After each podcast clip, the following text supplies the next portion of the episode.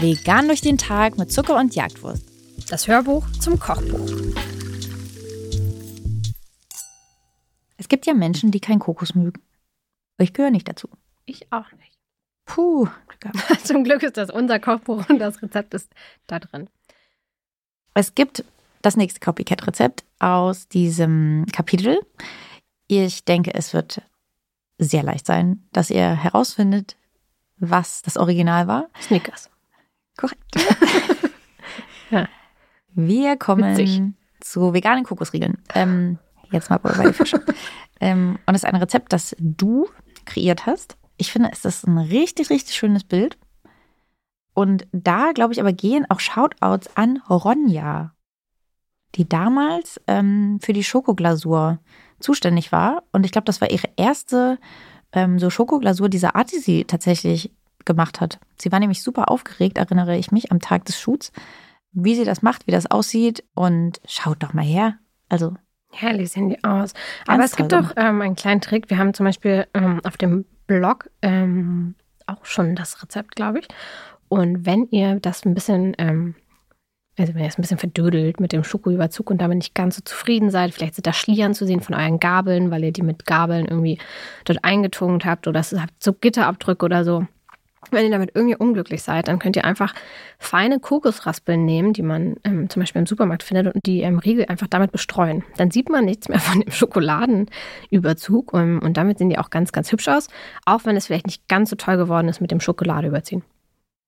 ich weiß übrigens nicht genau warum, aber bei den Originalen mag ich die kleine Version davon, die man in dieser Packung findet, Mhm. in der so alle kleinen Riegel dieser Art sind. Die mag ich nicht so gerne, aber in der normal großen Version finde ich die viel leckerer. In der normal großen Version ist eben die Füllung dicker. Also da hat man viel mehr von dem ähm, Inneren, von diesem Kokosinneren. Und ich muss sagen, ich verstehe auch nicht, dass es diese Version noch nicht in vegan gibt, obwohl es eine zart-bitter-Version davon gibt. Dennoch ist da anscheinend Milchpulver in der Füllung äh, und das I don't get it. Ich meine, Kokosmilch, Kokosraspeln, das ist alles vegan. Das Mhm. ist im Endeffekt eine dicke Creme oder wird irgendwie ein bisschen vermanscht.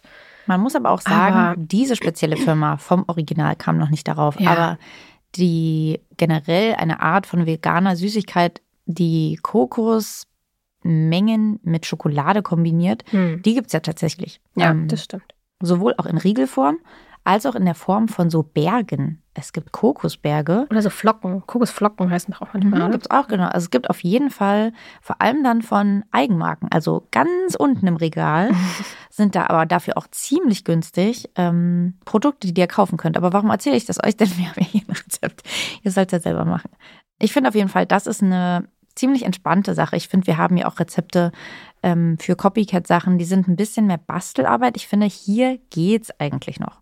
Ja, absolut. Zumal ihr könnt die auch richtig gut vorbereiten. Und gerade im Sommer, wenn draußen 35 Grad sind und ihr schwitzt wie ein Schwein, dann ist es richtig.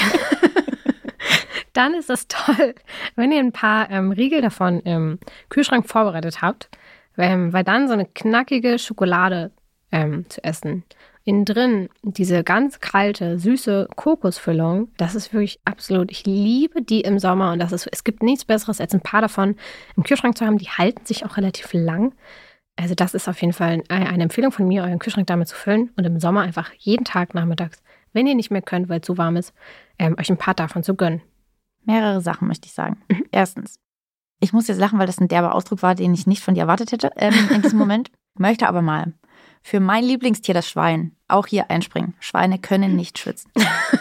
Ich Ich finde das richtig frech eigentlich, dass dieser Spruch so existiert. Generell Schweine absolut unterbewertet. Es Das sind ist in so für mich die Könige des. Tierreichs. Ich glaube, in Kinderfilmen gibt es oft so ähm, Schweine, die vielleicht so einen Tropfen, ich sehe da gerade so einen gemalten Tropfen am Kopf. Ähm, naja, Da, das, da kann ich jetzt äh, eine Stunde mitfüllen. Ähm, für die Schweine und das, was ihnen immer nachgesagt wird, einzustehen. Das stimmt, wie gesagt, nicht. Aber darum soll es ja nicht gehen. Ich finde auch, das ist eine der wenigen ähm, süßen Schokoladensachen, die ich definitiv in den Kühlschrank packe. Also es gibt ja Menschen, die auch sagen, so Kühlschrank und Schokolade, das gefällt ihnen gar nicht. Ich finde, es gibt ein paar Sachen, bei denen stimme ich zu. Sachen zum Beispiel mit Nougat packe ich generell weniger gern in Ja. äh, den Kühlschrank. Da möchte ich, dass das so weich bleibt. Aber in diesem Fall finde ich es auf jeden Fall super, das in den Kühlschrank zu packen. Und du hast ja auch schon die Zartbitter-Variante angesprochen, die es mittlerweile vom Original gibt. Ist auch meine bevorzugte Variante.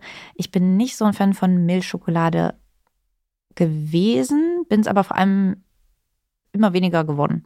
Also ich finde, Zartbitterschokolade ist für mich die ähm, leckerste Schokolade und deswegen freue ich mich auch, weil das könnt ihr natürlich für den Schokoüberzug ganz so machen, wie euch das am liebsten gefällt. Absolut korrekt. Und ähm, damit wünschen wir euch jetzt viel Spaß mit diesen Regeln. Hast du noch was zu dem Rezept zu sagen? Können Sie noch was beitragen? Nö, ich kann jetzt über Schweine reden, aber das machen wir jetzt nicht. Nein, ähm, genau. Also toll vorzubereiten, ähm, sehr kurze Zutatenliste, kein Gefriemel. Also wirklich, ähm, wenn ihr mal eine Copycat ausprobieren wollt, dann ist das auf jeden Fall ein sehr nettes Einsteigermodell.